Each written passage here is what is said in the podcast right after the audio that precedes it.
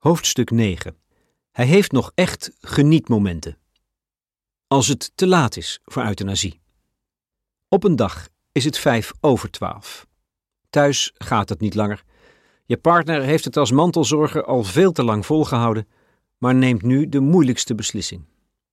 Op advies van je case manager stemt ze ermee in dat je wordt opgenomen in een verpleeghuis. En met een smoes die, och arme, niet eens zo ver bezijden de waarheid is. Het is maar tijdelijk, vader. Verhuizen je kinderen jou en wat spulletjes. Bij de intake bespreekt de specialist ouderengeneeskunde de wilsverklaring en euthanasiewens misschien met de familie.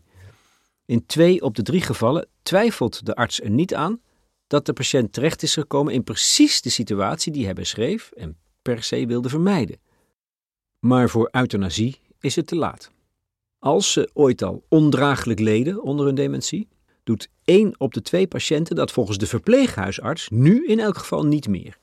En de familie is het daar vaak mee eens. Artsen in verpleeghuizen verlenen vrijwel nooit euthanasie aan dementerende patiënten. Het wordt hen ook maar zelden gevraagd.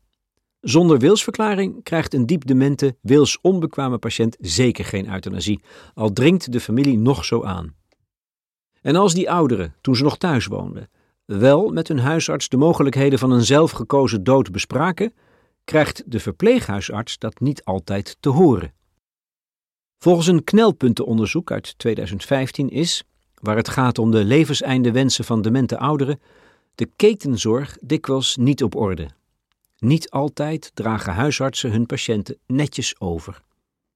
Verpleeghuizen gaan er voetstoots van uit dat patiënten met dementie wils onbekwaam zijn. Als ze in het verpleeghuis komen, hebben ze zich al uit de markt geprijsd voor euthanasie, zegt een arts in het onderzoek dat masterstudent Jan-Willem Plezier in 2014 deed aan de Rijksuniversiteit Groningen. Als een patiënt met zware dementie jammert dat hij dood wil, horen verpleeghuisartsen dat hij zich ellendig voelt. Niet per se dat die patiënt wil sterven. Dan hebben ze ergens moeite mee. Maar je kunt ze ook wel weer afleiden en dan gaat het ook wel weer. Bovendien valt het leven met dementie meestal minder zwaar dan ouderen vreesden. Ze passen zich aan. Je ziet iemand, zegt een andere arts in het onderzoek van plezier, nog echt genietmomenten hebben. En hoewel hij erkent dat dementie een ellende is, zegt een derde arts dat die ziekte ook heel schattig kan zijn. Het lijden van de familie, zei Bert Keizer tegen mij, is bij dementie vaak erger dan het lijden van de patiënt. De pijnlijkste misverstanden doen zich dan ook voor als de familie het niet meer kan aanzien. Dit had vader nooit gewild. Waarom moet het zo lang duren? Kan de dokter hier geen einde aan maken? Vaak overschatten partners en kinderen de rol die ze kunnen spelen. Blijkt keer op keer uit onderzoek, zoals dat bijvoorbeeld werd gedaan bij de derde evaluatie van de euthanasiewet. Eén op de vijf Nederlanders denkt ten onrechte dat een euthanasieverzoek van de familie rechtsgeldig is. 1 op de 3 vindt dat de familie moet kunnen meebeslissen, terwijl de wet zegt dat dat niet kan. En de helft gelooft dat de familie hulp bij zelfdoding mag verlenen als de patiënt ondraaglijk lijdt, alhoewel dat strafbaar is. Pas als de ellende, verwarring en angst ervan afspatten, haalt een arts de wilsverklaring tevoorschijn uit een diepe la. Bij één op de vijf ouderen met dementie wordt dan alsnog de euthanasieverklaring gevolgd zeiden artsen tegen onderzoekers, zonder duidelijk te maken hoe dat gaat. Is dat niet vreemd? Het is bekend dat artsen in het algemeen, dus niet alleen bij dementie, naast euthanasie andere mogelijkheden hebben om aan ondraaglijk lijden een einde te maken. Artsen maken daar veelvuldig gebruik van. Bij één op de drie sterfgevallen, dat zijn jaarlijks 50.000 mensen, dient de arts medicatie toe die de dood snel dichterbij kan brengen. Hoogst zelden is dat ook het uitgesproken doel, maar artsen houden er wel rekening mee. De arts in het verpleeghuis dient haar patiënt niet alsnog een spuit thiopental toe, een euthanaticum. Zij kiest, vaak op aandringen van de familie, voor een restrictief behandelbeleid. Geen antibiotica bij een longontsteking bijvoorbeeld. Of een ruimhartig beleid van symptoom- en pijnbestrijding. Ondanks die eufemismen gaat de patiënt dan meestal vrij snel dood. Nog vaker kiest een arts voor palliatieve sedatie, in combinatie met intensivering van de pijn en symptoombestrijding. Ze brengt de patiënt in coma, waarna die in veruit de meeste gevallen binnen een week overlijdt. Artsen kozen in 2018 al bij 18% van alle sterfgevallen voor palliatieve sedatie. In 2005 was dat 8%. Daar is niet zoveel mis mee, zei Agnes Wolbert, directeur van de NVVE, als mensen daarover maar zelf kunnen beslissen. Het moet niet zo zijn dat de dokter dat altijd op eigen initiatief beslist. En in de praktijk zie je dat bij palliatieve sedatie vaak gebeuren. Het mag geen uitwijkmogelijkheid worden om euthanasie te vermijden. Hoe je wilsverklaring toch wordt gevolgd als euthanasie een gepasseerd station is? Ooit, toen je nog helder was, wilde je sterven als je naar het verpleeghuis moest. Dat nooit, zei je. Maar toen je het feest na twaalfen verliet, was het voor alles te laat. Terzijde, ze hadden dit wat mij betreft best het Assepoester-syndroom of Cinderella-complex mogen noemen, als die niet al waren geclaimd. Je bent nu diep dement en wils onbekwaam. Omdat je die sterfwens niet meer kunt bevestigen, omdat de arts niet meer met je kan communiceren, is je wilsverklaring feitelijk waardeloos.